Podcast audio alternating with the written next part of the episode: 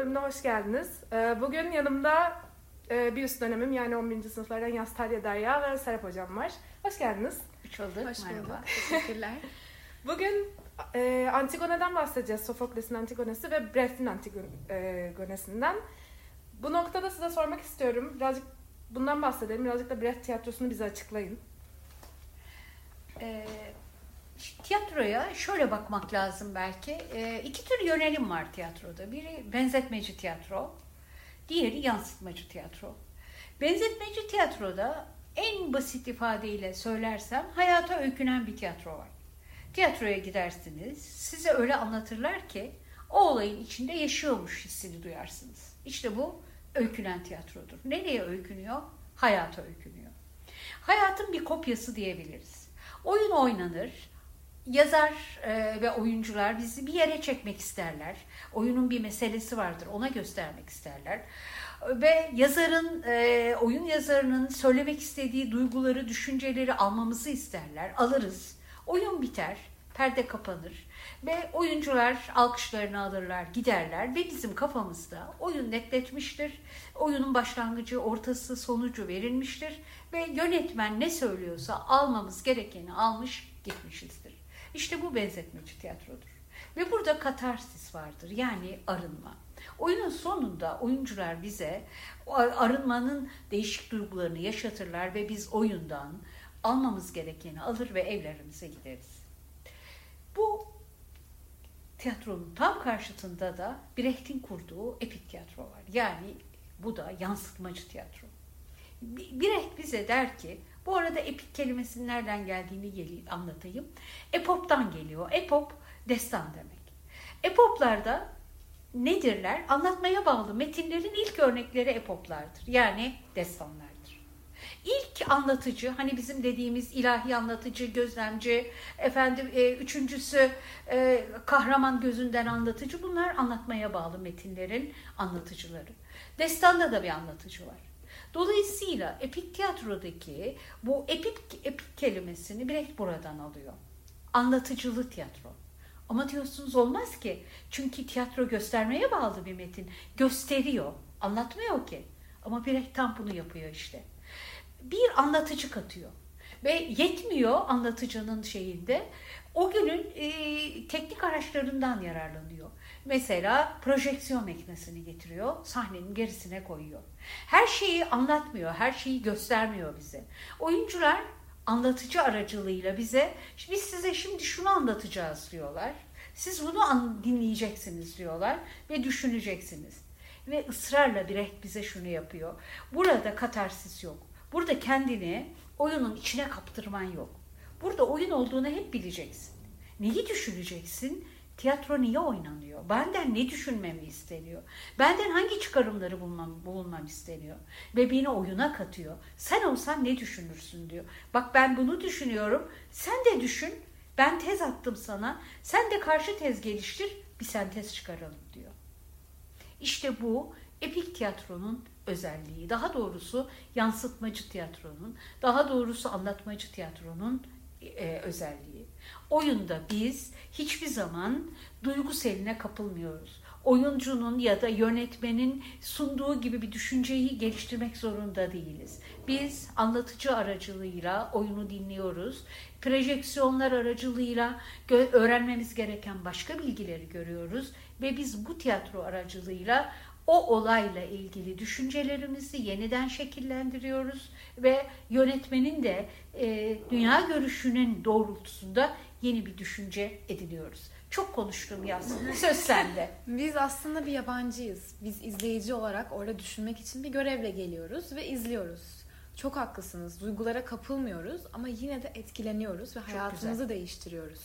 Oradaki karakterlerle beraber ağlamıyoruz. Onların başına gelenler bizi orada etkilemiyor o kadar. Ama neden başlarına bunların geldiğini kendi kafamızda sorguluyoruz. Orada bizim önümüze bir sistem kuruluyor ve oynanıyor. Aslında tiyatroda böyle bir şey. Gerçek hayatta deneyimleyemediğimiz şeyler yazarlar tarafından önümüze farklı senaryolar olarak getirtiliyor. Ve biz bunun sonucunda yeni çıkarımlar yapıyoruz, yeni şeyler öğreniyoruz, okuyoruz. Okurken de biz hissediyoruz. Bir anlatıcı var ama anlatıcı kesinlikle bize şunu düşün, bunu düşün, bunu hisset demiyor. Biz orada anlatıcıyla olayları kavruyoruz ki arkasında ne var? Aslında ne anlatmak istiyor Brecht Wittgen? Ve e, burada Brecht'in diğer tiyatrolardan farklı olmasının sebebi ben okurken de kitabı Hamlet aklıma geldi aslında. Bir önceki konuştuğumuz kitap gibi Hamlet'in de e, amcasına oynadığı oyun aklıma geldi. Orada amcasının duygularını kafasında görebilmek için gerçekten babasını öldürdüğünü anlayıp anlayamaması için bir oyun oynatmıştı. Ve orada onun surat ifadesinden olayın gerçekliğini kanıtlamıştı bize. Ve aklıma ilginç bir şekilde bu geldi. Çünkü biz de oynadığımız zaman orada aslında oyundan ve yaşanan olaylardan, karakterlerden değil arkasındaki anlamı anlamaya çalışıyoruz. Ve Aynı zamanda da güncel olmasının sebebi de başındaki o iki kız kardeşin ön oyundaki yaşadıkları. Ee, birazcık onları da özetleyebilirim isterseniz. Nazi rejiminde iki kız kardeş o dönemde çok büyük bir kıtlık var tabii ki. Hala daha savaş bitmemiş. Savaşın bitmesine son birkaç ay kalmış. Almanya kaybediyor. Bu yüzden insanlar büyük bir açlık içerisinde ve umutsuzluk içerisinde yıllardır devam eden bir savaş var ve hayatta kalmaya çalışıyorlar. İki kız kardeş evlerindeler. Mutfakta evde hatta yemek yok. Bir yeme sahnesi, bir küçük bir ekmek buluyorlar. Onun yeme sahneleri var. Ve erkek kardeşlerinin üniformasını görüyorlar aslında. Ve diyorlar ki aa eve gelmiş, savaş bitmiş olmalı ve eve gelmiş. Ve onun özlemiyle onu arıyorlar ama bulamıyorlar. Sonra oturup yemek yemeye başlıyorlar ve dışarıdan bir sürü ses geliyor. Ve bakamıyorlar, korkuyorlar. Çünkü dışarı çıksak bir şey olacak, bizim başımıza bir şey gelecek. Sonra en sonunda sesler duruyor ve dışarı çıkmaya karar veriyorlar. Ve trafik lambasında erkek kardeşlerinin başka bir Nazi subayı tarafından öldürüldüğünü görüyorlar. Ve kardeşlerden bir tanesi e, orada onu ölen kardeşine, asılmış olan kardeşini aşağı indirmek için elinde bıçakla onu kurtarmaya çalışıyor. Ve öbür kardeş de onu tutuyor ve onu engellemeye çalışıyor. Ve buradan zaten Antigon'a bağlanacağız ve insan değerlerimize bağlanacağız. Ee, yani bu giriş de aslında o kadar güzel ve güncel bir giriş ki biz de kendimiz okuyucu ilk başta bize aslında verilmek istenen mesajı küçücük bir şekilde izliyoruz ve sonra hemen, hikayeye başlıyoruz. E, hemen şurada şuraya gireceğim. Çok güzel söyledin çünkü bu anıyı hemen de güncellemiş oluyor. Yani evet. biz milattan önce 300'ler mi 400'ler mi yazılmış eseri bırakıyoruz 1945'e geliyoruz. İşte Birek tam bunu yapmak istedi. O Sofokles'i güncellemek istedi. Zamansızlaştırma diyebilir miyiz? Evet zamansızlaştırma diyebiliriz. Çünkü aldığı, ele aldığı mesele insani bir mesele. Yine yazın evet. dediği gibi. Ve bunun zamanla, tarihle, e, devirlerle ilgisi yok. Her zaman için aynı değerler söz konusu. O ön oyun her şeyi e, Brecht tiyatrosunda e, aslında bir anlamda açıklıyor ve biraz sonra izleyecekleri oyunla ilgili yeniden düşünmelerini istiyor. Çok güzel. E, seyirci, seyirciye seyirci olduğunu hatırlatmak mı o zaman Brecht tiyatrosunda onu farklı kılan? Evet, evet seyirciye sen burada bir oyun oynanıyor ve seyircisin ama katılacaksın bize. Düşüncelerini yeniden şekillendirerek, düşünerek, e, karşı tezi geliştirerek sonra bir sentez çıkacak çünkü ortaya. E, ve e, tekrar tekrar yeniden e, üretmiş olacağız olan durumu e, düşünerek. Biraz düşünen insan, entelektüel evet. insan için evet. yazılmış oyunlar evet. bunlar. Düşünen, bir sorgulayan. önceki konuşmuşumuzda da bundan bahsetmiştik. Bundan bahsetmiştik. Evet. evet, Burada da yine tabii Brecht'in hemen onu da söyleyelim, haksızlık etmeyelim. Yaz bununla ilgili konuşacaktır. Marksist oluşunda önemi var. Toplumcu gerçekçi bir yazar. Ee, Alman ve daha sonra Doğu Almanya vatandaşı olacak falan. Oyunlarında temel ekseni elbette Marksizm oluşturuyor.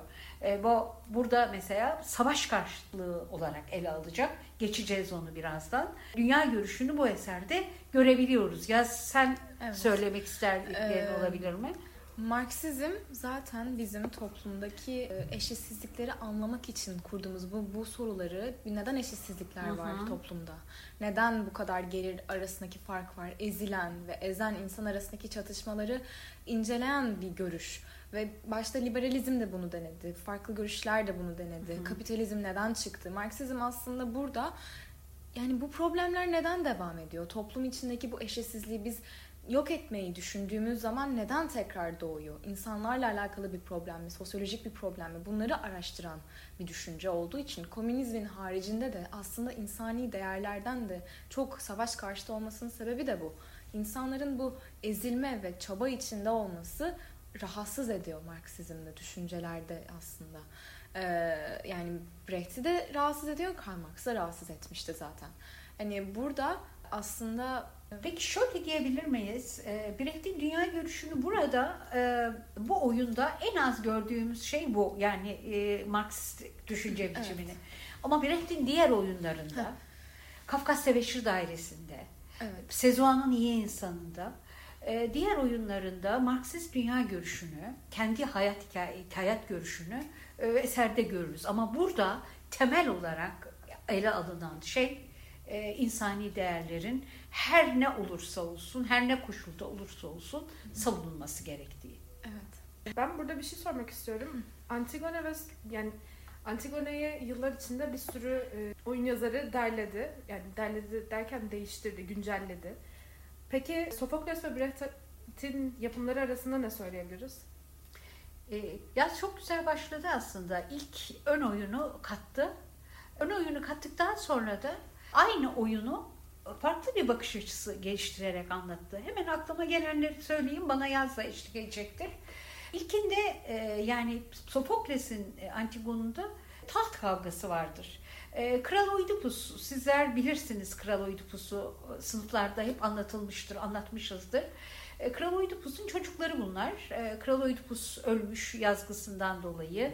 E, tahta geçen e, çocuklar var. Kreon dayı. E, Sofokles de tahta sen geçtin ben geçtim. Onlar süreyle geçiyorlar. Hı hı. E, birinin süresinde öteki tahtı bırakmıyor. Hı hı. Bu amaçla savaş çıkıyor. Ve kardeşlerden biri gücü arttırmak için düşman birlikleriyle işbirliği yapıyor. Ve e, sonuçta ikisi de ölüyor bunlardan. Kreonsa düşmanla işbirliği yapana e, gömülmeme cezası veriyor. Çünkü düşmanla ilgili işbirliği yaptı, vatanı sattı. Vatanını, devletini sattı. Ötekisini de kahramanca gömülmesini, bir devlet nişanıyla gömülmesini, bir şehitlik mertebesi yani bugünün terminolojisiyle söylüyorum, verilmesini söylüyor. Kız kardeş Antigon karşı çıkıyor çünkü onun ikisi de kardeşi. Yani onun için birinin düşmanla işbirliği yapmış olması evet bir suç ötekinin e, bunu yapmamış olması ilgilendirmiyor. O zaten bir e, derece almasını falan da istemiyor kardeşinin. O sadece gömülmesini istiyor. Bir önünün gömülmesi Gömülme aslında. hakkı. Evet yani o sadece diyor düşman olabilir. Ama sonuçta bir e, insan. Sonuçta bir insan ve onun da insani hakları var. Ben her ikisinin de kardeşiyim. Nasıl onun için tören yapılıyorsa ötekine de yapıldığını gözleyeceğim diyor. Sofokles ve Brecht arasındaki fark aslında konuya bakış açısı bakış ve konunun açısı, nasıl evet. temellendirildiği. Burada e, Sofokles'in anlatımında daha dinsel bir öge var. Aslında bir lanet durumundan dolayı Oedipus'un oğullarına e, yaptığı bir lanetten dolayı başlarına bu geliyor. Kardeşler birbirlerine düşüyorlar, tat kavgası oluyor ve sonunda Argos'a sığınmak için kardeşlerden bir tanesi düşmanın yanına gidip tekrardan kendi şehrine saldırıyor tahtı ele geçirebilmek için. Ama Brecht'te biz bu kadar dini bir öge, bir lanetten ya da mistik bir ögeden bahsetmiyoruz. Hemen Brecht'teki savaşın temelini anlatır mısın Yaz? Ee, buradaki Brecht'te niye Brecht'teki savaş savaşın var? temeli yine aslında bir savaş kaygısı var ama burada aslında toprak fethetmek. Durum bu. Evet. Argos'un e, metallerini ve madenlerini ele geçirmek ve e, daha çok işte toprak daha çok toprak ele geçirelim, gücümüzü arttıralım e, ve insanlarımız aslında daha çok mutlu olacak. Böylece bir e, başlığı altında biz güçlenelim, daha çok para kazanalım. Kimi karşılıyor bu? E, bu aslında Kreon, baş, hem diktatörümüz olan Kreon aynı zamanda da 2. Dünya Savaşı'nda Hitler'i karşılıyor. Çok güzel, evet. Ve e, Almanya'nın o dönemki hırslarını ve Hitler'in kendi evet. kişisel ihtiraslarını karşılıyor. Çünkü orada da Almanya'nın aslında Hitler'in de amacı Avrupa'yı tamamen ele geçirmek ve bütün topraklarına el koymak ve herkesin kaynaklarını birleştirmek ve büyük bir sadece arı ırktan oluşan bir halk yapmaktı. En büyük e, fantezi diyebiliriz buna. Amacı hırsı buydu. Biz bunun işlenmesini ve bu savaş karşıtı tepkiyi buna karşı olarak gösterdiğini görüyoruz Brecht'in. Çünkü aradaki aslında konusunun işlenmesi arasındaki en büyük fark o. İki kardeş arasındaki fark bu oyunda, Brecht'in oyununda iki kardeş arasındaki fark e, bunlardan bir tanesinin savaşan e, kişi olması yani Creon'un savaşçısı olarak rolü kabul etmesi diğerinin ise savaşmayı reddetmesi. O zaman zıtlık. Ve evet savaştan korkması. Belki hatta şöyle geçiyor. Kardeşinin ölümünü görüyor ve korkuyor ve kaçıyor. Kreon onu kaçarken yakalıyor ve öldürüyor. Çünkü savaştan kaçmak affedilemez. affedilemez. Şimdi o dönemde Hitler'e bakarsak eğer e, Brecht Hitler yazdıysa, Hitler üzerinden anlattıysa Hitler'e karşı duranlar da var. Yani Hitler Alman askerlerinden bir kısmı da müttefiklere katılmak istiyor muhtemelen. Çünkü Hitler'in yaptığı insanlık dışı politikanın aleti olmak istemiyor. Ve orada başına gelenler tıpkı yazın anlattığı ön oyunda e, ki Erkek o kardeş. erkek kardeşin başına gelenlerle aynı. Devletin kabul gördüğü, kabul ettiği savaşı reddetmek bir e, de vatan hainliği damgası yemeği getiriyor çünkü. Çünkü savaşmayı reddetmek söz konusu olamaz. Brecht'in tartıştığı da bu. Hitler'e karşı geldiği için öldürülüyor çocuk. Kreon Hitler'i kastediyor çünkü. Ve bunun karşıtında da Antigon, Sofokles'in Antigon'u aynı davranış içerisindedir. Hiçbir nedene dayanmaksızın kardeşini görmek istiyor. Ee, kardeşinin gömülmesi, o ne Hitler ideolojisi, ne Kreon'un bakış açısı, dünya görüşü, inancı, bütün bunlar hiçbir öneminin önemi yok. O sadece insani bir vazife olarak, bir hak olarak kardeşinin gömülmesini istiyor. Peki kusura bakmayın kestim. Tabii ki. Peki Antigone e, bu gömülmesini isterken neyden güç alıyor? Yani vicdandan mı alıyor? İnsan değerlerine olan ya insana verilen değere bağlı olarak mı alıyor yoksa e, tanrıların kurallarıyla mı, tanrısal inancıyla mı hareket ediyor? Sofokles'in anlatımında daha tanrısal bir baz olduğundan bahsetmiştik. Ama aslında burada Brecht'in söylemeye çalıştığı şey tanrıların koyduğu kurallar üstündür deniyor. Senin kişisel olarak koyduğun kurallar, Kreon'un, geçersizdir. Belli bir zamana kısıtlıdır. Bir geçerliliği olmayacaktır. Önemli olan tanrı kurallarıdır olarak biz kitapta okuyoruz. Ama aslında burada bahsedilmek istenilen şey tanrı kuralları derken insani değerlerdir. Evet sadece vicdanı değil, aynı zamanda bir sorumluluk, insani sorumluluk kardeşine, erkek kardeşine olmasa da başka biri de olsa bu kişi bir insanın gömülme gibi bir hakkı, insani bir hakkı vardır. Her insan öm- gömülmeyi hak eder. Vatan haini ilan edilmiş olsa da olmasa da. İki taraflı bir eleştiri var burada aslında. Birincisi insan hayatının devletlerin hırsı için önemsiz görülmesi ya da biz kendi hayatımızı feda etmek zorunda mıyız bizim olmayan bir savaş için? Burada bunun sorgulanması var. Aynı zamanda da bir insanın buna karşı çıktığı durumda vatan haini ilan edildikten sonra bile gömülüp gömülmemeye gibi bir hakkı olup olmamasının sorgulanması var. Ama evet vardır. Burada vicdani olarak Antigon hareket etmesinin sebebi sadece erkek kardeşi değildir. İnsani olarak sorumluluğunu yerine getirir. Burada aslında tanrılar e, o döneme de belki de ayak uydurabilmek için verilmiş bir üst başlık diyebiliriz. Tanrıların kuralları aslında den- denilirken burada dini bir altyapı yok. Burada vicdani ve insani bir altyapı var. E, o yüzden aslında hani ikisi de oluyor. Soruna cevap verebildiysem. Ben de şöyle demek isterim. Ee, tanrıların yasaları der hep. Hep Sofokles'in metninde böyle geçer. Tanrıların yasalarına karşı geliyorsun der. Hermione e, aynı e, şeyde Brecht'in yazdığı eserde de Hermione babasına der ki bu senin savaşın der. Sen e, onu da söyledi yaz. Kendi savaşın için insanları alet ediyorsun. Tam Hitler'dir aslında söylemek istediği. Evet. Ee, tam da Hitler'in yaşattığı yıkımı anlatmak istiyor. Bu senin savaşın ve insanları alet ediyorsun. Artık burada kader ya da Tanrı'nın yasalarının dışına bir yerde e, çıkmış oluruz. E, Sofokles Tanrıların yasaları derken yine yazın dediği gibi vicdan ve insani değerleri ön plana koyuyor. Ama Brecht vicdan ve insani değerlerin bir tık daha ötesine geçip liderlerin de gerektiğinde insanların hayatını hiçleştirecek mücadeleleri yaptıklarının dikkatini çekmek istiyor. Toplumcu, gerçekçi bakış açısıyla.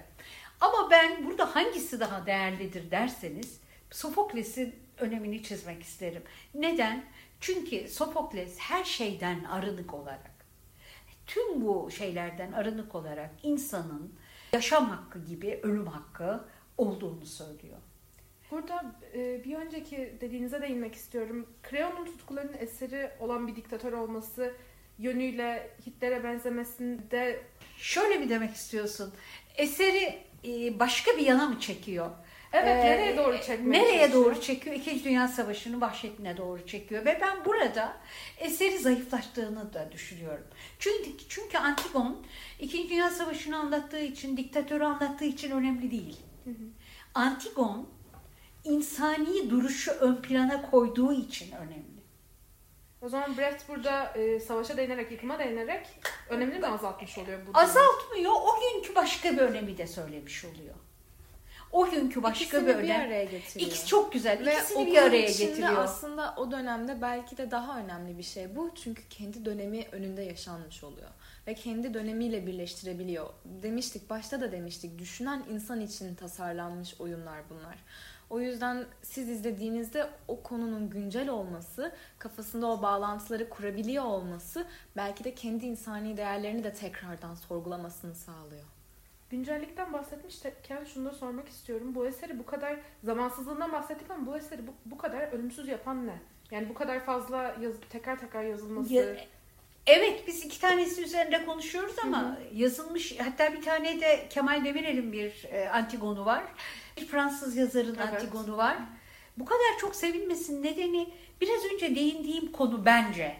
E, kişisel görüşüm. Çünkü e, salt insan olarak tüm sıfatlarından sıyrılmış insan olarak eğitimsiz, cahil, belki akli melekeleri yerinde olmayan, belki e, vahşi duyguları olan, belki savaşa meyilli, belki şiddete meyilli her insanın insani koşullarda yaşama ve yaşamını kaybettikten sonra da gereği gibi bu yaşamdan uğurlanma hakkı var. Sen ne düşünüyorsun bu durumda? Zaten hümanizmden de bahsettiğimiz zaman ben de düşünüyorum etik olarak da her insanın başına ne gelmiş olursa olsun, neler yapmış, nasıl acılar maalesef çektirmiş olursa olsun gömülmeye ihtiyacı vardır. Orada ölen kişi sadece bir kişi değildir. Orada bir insan canı sona ermiştir ve ona bizim saygı duymamız gerekiyordur. O yüzden dağın üstünde herkesin ortasında aşağılanmış bir şekilde bırakılması e, korkunç bir şey bence zaten. O yüzden hani insani açıdan, etik açıdan ya da doğru olup olmaması da değil. Bizim vicdanımız el vermez buna. Çünkü insan yaşamının sona vermesi, sona gelmesi acıklı bir şey. O kim olursa olsun.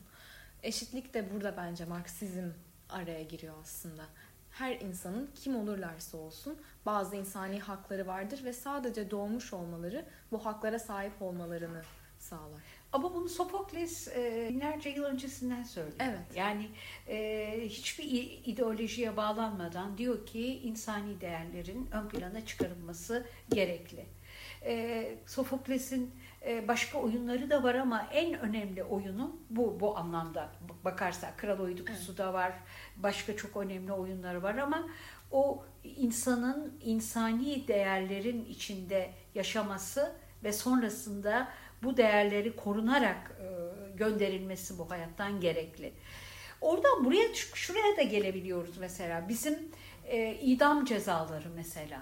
Bir insanı devletlerin öldürme şeyi olamaz. Çünkü devlet öç alamaz. Devlet cezasını verir. Ama ölüm e, kararını vermek modern toplumlarda e, bugün idam cezası yoktur mesela. Evet. Her ne olursa olsun. Buna çünkü bir devlet karar veremez. Çünkü evet yani o bir insanın yaşam hakkıdır ve o yaşam hakkının elinden alınması tartışmalı bir konu. Yani bu konuda hani haddimi aşmak falan istemem ama e, insani değil. Cezasını verirsiniz ama onun yaşamının sonlandırılması konusunda diyelim ki çok e, çok kötülükler yapmış, cinayetler işlemiş biri olsun. Böyle bir Amerikan filmi geliyor aklıma. Çok da güzeldi film. E, Bir rahibe var ve e, inatla e, cinayetleri işlemediğini söyleyen bir seri katil var. Ve idam cezası alıyor. Ve Amerika'nın bazı eyaletlerinde idam var biliyorsunuz. Ve son karede e, artık gidecek ve rahibe ona ısrarla bunun işlediğini kabul etmesi yani o zaman bağışlanacağını söylüyor dinsel argümanla. Hani bu günahla gitme, günahını söyle. Tanrı'nın karşısına rahibenin bakış açısı bu. Israrla reddediyor mahkum. Israrla cinayetleri ben işlemedim diyor. Ama o son an e, çok güzel bir karedir. Rahibe diyor işledim. Çünkü artık sandalyeye oturacak. Rahibe diyor işledim ve bununla gitmek istiyorum. Ve rahibenin de ağlaması var orada. Yani o o kadar e, diyaloglar kurdu ki onunla cinayeti işlediğini itiraf etmesi için ama o söylemedi söylemedi. Onun öldürülüyor olmasından dolayı ağlıyor. Yani o kadar cinayetleri işlemiş bir katilden bahsediyoruz ve rahibenin karşısındaki o sandalyeye oturan adama karşı çaresizce bakışı var. Hani orada bizi şunu söylemek istiyor. Her ne olursa olsun onu hak etmedi. Burada da düşmanla işbirliği yaptı diyor Sofokles. Hı hı. Ötekinde diyor ki e, ben savaş dedim savaşmadı korktu kaçtı öldürülecek yani öldü ve e, gömülmeme cezası aldı. Bütün bunlar bize şeyi götür, gösteriyor. Her ne sebeple olsun biz haklarımızın haklarımızdan mahrum bırakılamayız. Her ne olursa olsun, her ne sebeple olursa olsun. Ben burada bunu çok evrensel ve çok değerli buluyorum. Güncellemesini de bu anlamda buluyorum. Brecht'in eseri de çok değerli. İkinci Dünya Savaşı yazın dediği gibi o döneme ışık tutması açısından da çok değerli. Ee, ama temel meseleyi göstermek açısından e, o, o Antigon'da o insani duruş çok önemli. Onu atlamamak gerekli. Ve ısrarla da güncellerken bugüne bakışımızda da bu açıdan bakmalıyız. Artık dini açıdan bakmak, politik açıdan bakmak, devlet açısından bakmak yerine insani değerler açısından insan teki olarak bakmamızın zamanı geldi diye düşünmek istiyorum. Evet, ben de böyle düşünmek istiyorum. Çünkü e, hangi açıdan bakarsak bakalım bunun evrenselliği değişmiyor. Burada insani haklar her zaman için ön planda ve önemli ol yani devlet zaten bir kere söylediğiniz gibi ölüm bir adalet değil. Ölüm bir sonuç, bir bir sebep değil. Yani ölüm olduğu zaman o kişinin günahlar olarak dini açıdan da düşünebilirsiniz. Adalet açısından da düşünebilirsiniz. Bir iyiliği yaptığı bir şey yok. Sadece insan yaşamını sona erdiriyorsunuz. O o o zaman cinayeti işleyen kişinin yaptığı suçla, onu suçladığınız şeyi yaparak bir çözüm bulmaya çalışıyorsunuz ki bu doğru bir şey değil. Yani zaten bir kere düşündüğümüz zaman so, psikolojik yani psikopat ya da böyle genetik bir hastalık olmadığı zaman o insanın birini öldürmesi ya da bir hırsızlık işlemesi ya da bir suç işlemesinin bir sebepleri vardır altında. Devlet bunu araştırmalı. Devlet güzel, o insana evet. sahip çıkması gerekiyor. Neden bu davranışlar oldu? Neden bu tür sonuçlar oldu? Neden diğer insanlar zarar gördü? Çünkü bir sebebi varsa o bir yemek bulamamıştır. Hırsızlık yapmıştır. Hırsızlık yaparken elinde silah vardır. Vurmuştur karşısındaki kişiyi korkudandır. Hırsızlıktandır çünkü o kişi hayatı boyunca çalışmak zorunda kalmıştır belki. Neden çalışmak zorunda kalmıştır? Yani bu tür sosyolojik sebepler aranmalı ve devlet buna bir çözüm bulmalı. Buradaki kişi, buradaki kurban aslında cinayeti işleyen kişi suçsuzdur demiyorum. Ama hepimiz toplumsal bir takım arka planlardan geliyoruz. Ve o, o kişi de, o, o da bir insan ve o da bir sosyal bir arka plandan geliyor. Bunlar neden yaşandı? Bunlar sorgulanmalı. Cezalara çok odaklanıyoruz. Ölüm cezası, hapis cezası cezalandırılmalı. Ama adaletin nedenler, yerini bulması evet. için nedenler sorgulanmalı. Ve o insani değerler bize neden bu kadar çarpıcı geliyor? Çünkü bugün hep arka plana atılan bir konu insani değerler. Biz her zaman için insani değerlerimizden fedakarlıklar vermek zorundayız ki hayatta kalabilelim. Başımıza gelenleri sindirebilelim. Çünkü gazeteyi açıp okuduğumuz zaman insanların ve çocukların ve kadınların ve erkeklerin ve askerlerin, genç çocukların öldürülmesi bize o kadar ağır geliyor ki insani değerlerimizi arka plana koymak zorunda kalıyoruz. O yüzden bu kadar saf bir kardeşlik, bir insanlık duygusuyla Antigon'un hareket etmesi çok bende saygıyı uyandıran Uyan, evet. bir şey. Ve aynı zamanda Sofokles ile Brecht'in Antigon'a olan tutumundan da isterseniz bahsedebiliriz. Burada Sofokles aslında birazcık da acıyarak Antigon'a bakıyor. Bir kadın karakter olması değil buradaki konu. Aslında burada... Tanrıların verdiği bir yazgının devamı. Evet. Kral Oedipus'un çocukları aynı yazı başına, devam ediyor evet, baş, diye bakıyor. Başlarına çok kötü olaylar Ay, gelmiş. gelmiş bir ailenin, bir çocuğu, ailenin çocuğu ve Bu ve öldür ölmüş sonunda. idam Brecht ise öyle bakmıyor. Brecht Ama Brecht onu saygı değer bir insan orada öldüğü için aslında onurlu bir davranışı gerçekleştirdiği direnişçi için. bir direnişçi olarak da Evet. bakıyor. Çünkü otoriteye karşı geldiği için. Mesela kardeşi İsmene hiç de öyle yapmayacak. Değil. İki kardeş yani e, Sofokles'teki de buradaki de e, korkularla, kaygılarla e, Antigon'un yanında durmayacaklar.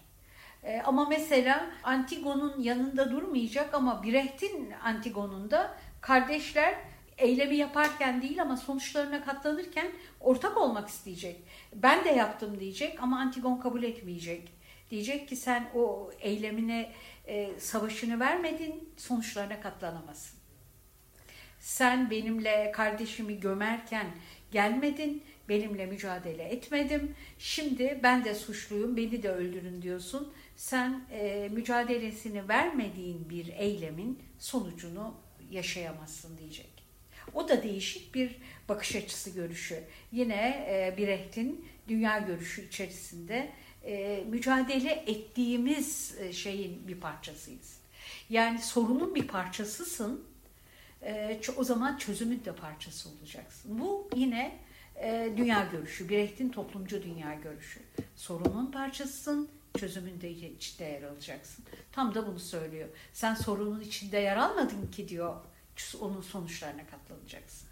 Ve aynı zamanda zaten İsmeni'nin buradaki suça ortak olma ihtiyacı kardeşlik sevgisinden, kardeşini orada korumak, onunla beraber olmak istemesinden kaynaklanan bir Biraz da şey. yetersiz dayanışma. Evet. Daha önce destek olmadı. Daha önce destek olmadı. Bunun da bir suçluluk Vicdanını rahatlatma. Evet, Ve biz bir eleştiri yapmıştık zaten başta. Creo'nun insanları kendi hırsları için aslında kendi amaçları için başka insanları yönlendirmesi.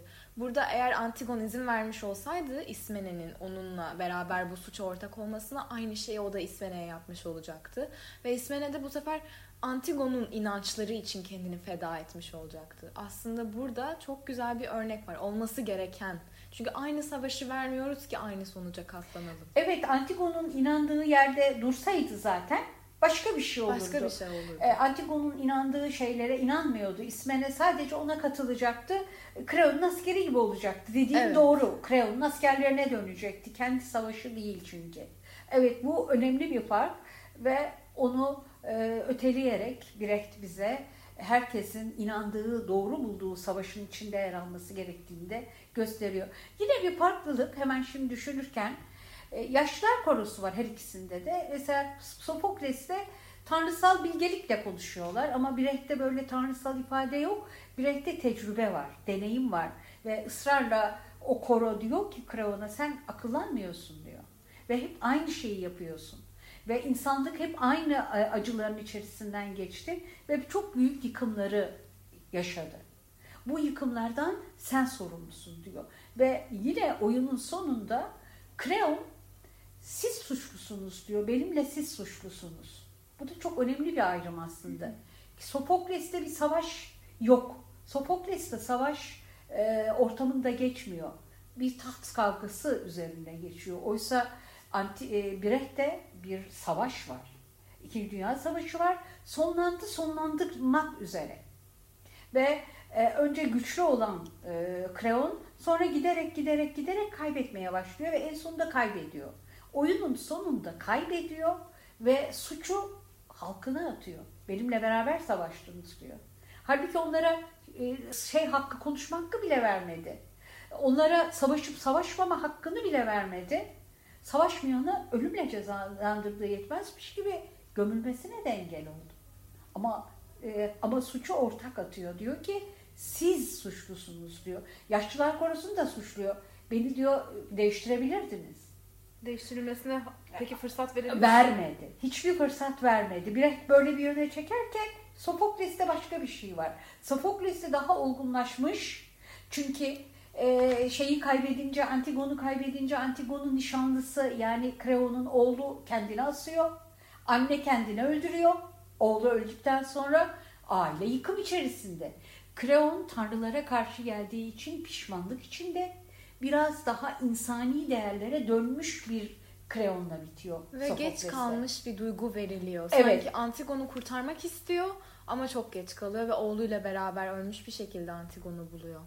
Ama tabii ki hani Brecht'in tiyatrosunda daha farklı bir bakış açısı Evet var. Brecht'te de bunun hep sonuna kadar mücadelesi var.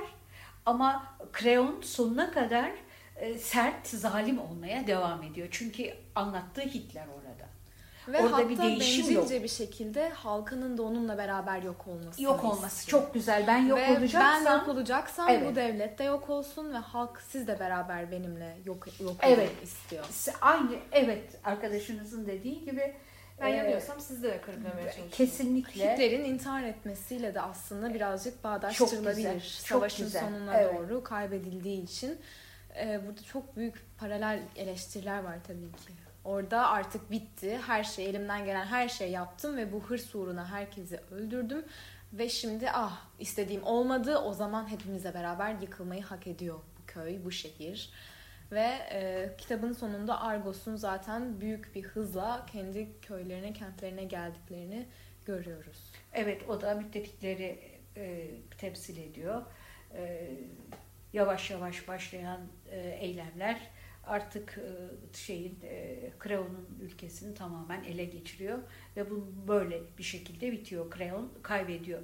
E, Brecht e, dediğim gibi hem diktatörlük üzerinde hem de Antigon'u yani Kreon'la Antigon'u eş düzeyde anlatıyor. Oysa Sofokles'te tek bir kahraman var o da e, Antigon e, Kreon'u biz görmüyoruz. Hatta e, Sofokles çok diktatör bir e, şey de çizmez. E, Kreon öyle bir adam da değildir. Kreon devlete aykırı olduğu için e, o adamın gömülmesine karşı çıkacaktır. Çünkü düşmanla işbirliği etmiştir. Şimdi gözünüzün önüne getirin. Bir savaş ortamındasınız ve bugün düşman bildiğiniz bir birliğe katılıyor bir askeriniz. İşte tam bu durum. Sofokles'in anlattığı bu durum. Bu otoriter e, toplum peki mesela Kreon'da olduğu gibi e, yıkılmaya mı mahkum?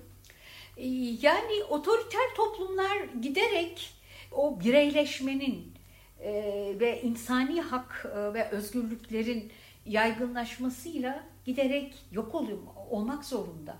Ve göreceli olarak biz modern toplumlarda bunu görüyoruz. Birey çok ön planda. Yani bireyin her türlü özgürlüğü var. Mesela e, yurt dışında okumaya gideceksiniz. Size bir takım e, formlar veriyorlar. Hastalıklarınız, genetik ailenizin genetik hastalığı, içinde bulunduğunuz hastalık, her şeye ait soru bantları var. Ve siz onları isterseniz hiçbirini doldurmak zorunda değilsiniz. Özgürlüğünüz var. Ben bunları doldurmak istemiyorum. Mesela AIDS'iniz. Yazmayabilirsiniz. Evet. Çünkü ama mesela ben şöyle düşünüyorum. Aa AIDS'e bana bulaştırır, ona bulaştırır, hepimize bulaştırır. Bilinmesi lazım. Ama modernlik öyle değil artık. Modernlik o insan tekinin Bireysellik kendi planda. özgürlüğünü koruması, mahremiyeti var. Mahremiyete saygı. Artık modern dünya bunun üzerine.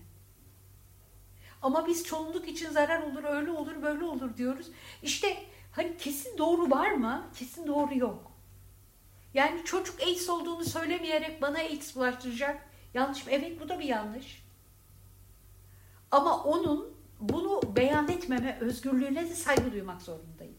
O yüzden belki kesin doğrularımız yok. Tartışarak geleceğiz. Brecht tekrar büyük onun için. Niye büyük? Bir oyunla bizi düşündürdüğü için.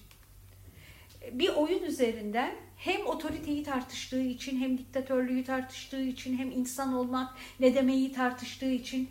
Çünkü artık sen söyle ben öğreneyim, bunları da anlatayım düşüncesi dünyası yok. Artık düşündüğümüz, tartıştığımız oranda yeni fikirleri, yeni dünya görüşünü açığa çıkaracağız. Tek bir yanıtımız yok ki. Biz bireysel varlığımıza devam ettiriyoruz. Devletlerin içindeyiz. Devletler başta ilkel dönemlerde insanların hayatta kalabilmesi için ve koruması için oluşturulmuş şeyler olabilir ve hala var. Ama bizim bireysel insani haklarımız var ve mahremiyet de bunun çok büyük bir parçası. Bize garip geliyor aslında biraz. Ya da Çin'de yaşayan bir insan için çok garip geliyor olabilir. Çünkü devlet o kadar baskın ve hayatın içinde ki mahremiyet duygusu bize bir insan hakkı olarak görünmüyor olabilir. Ama o çocuğun bize AIDS bulaştırabilecek gibi bir potansiyelin olması bizim onun mahremiyetini ihlal etmemiz ve onun hasta olduğunu bütün dünyaya duyurmamız bu. Çünkü bir şey değiştirmeyecek. Bu biz o insana karşı tepkili olduğumuz zaman hastalık daha az bulaşıcı olmayacak ya da o kişi daha az inisiyatif kullanmayacak. O kişinin kendine özel olduğu zaman belki de ve iyi bir eğitim aldığı zaman o kişi kendini de başkalarına karşı korumayı öğrenecek. Karşısındaki insanı da koruma sorumluluğunu kendinde hissedecek. Yani aslında bize devletler içinde garip geliyor. Sadece oturdu yani bulunduğumuz toplumsal kurumlardan dolayı garip geliyor ama bireysellik devletin çok büyük bir parçası. Biz şöyle bakıyoruz çünkü benim için faydası ne diye bir faydacı bir anlayışla bakıyoruz. Yani bunu bunu yapıyorum çünkü böyle bir yararı var. Evet kuşkusuz yararı var. Ama bir de onun e, uğrattığı zarar var. Ve onun o kişi üzerinde, o durum üzerinde yarattığı bir bir durum var. Bunu çok fazla farklı örnekler üzerinde de yapabilirsiniz. Yani e, bir kıyafet özgürlüğünden tutun da bir durum için her alana, aklınıza gelebilecek her alana getirebilirsiniz.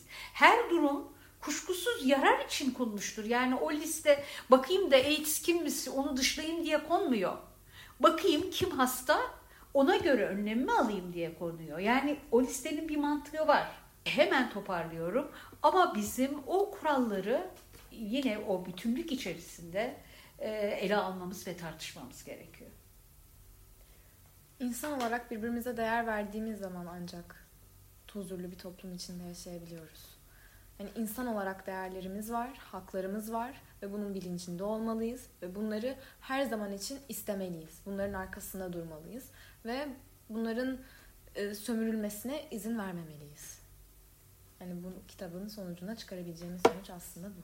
Çok teşekkür ederim. Gerçekten çok keyifli bir sohbetti. Yani Biz teşekkür ediyoruz. Çok sağ olun. Bir sonraki bölümde görüşürüz.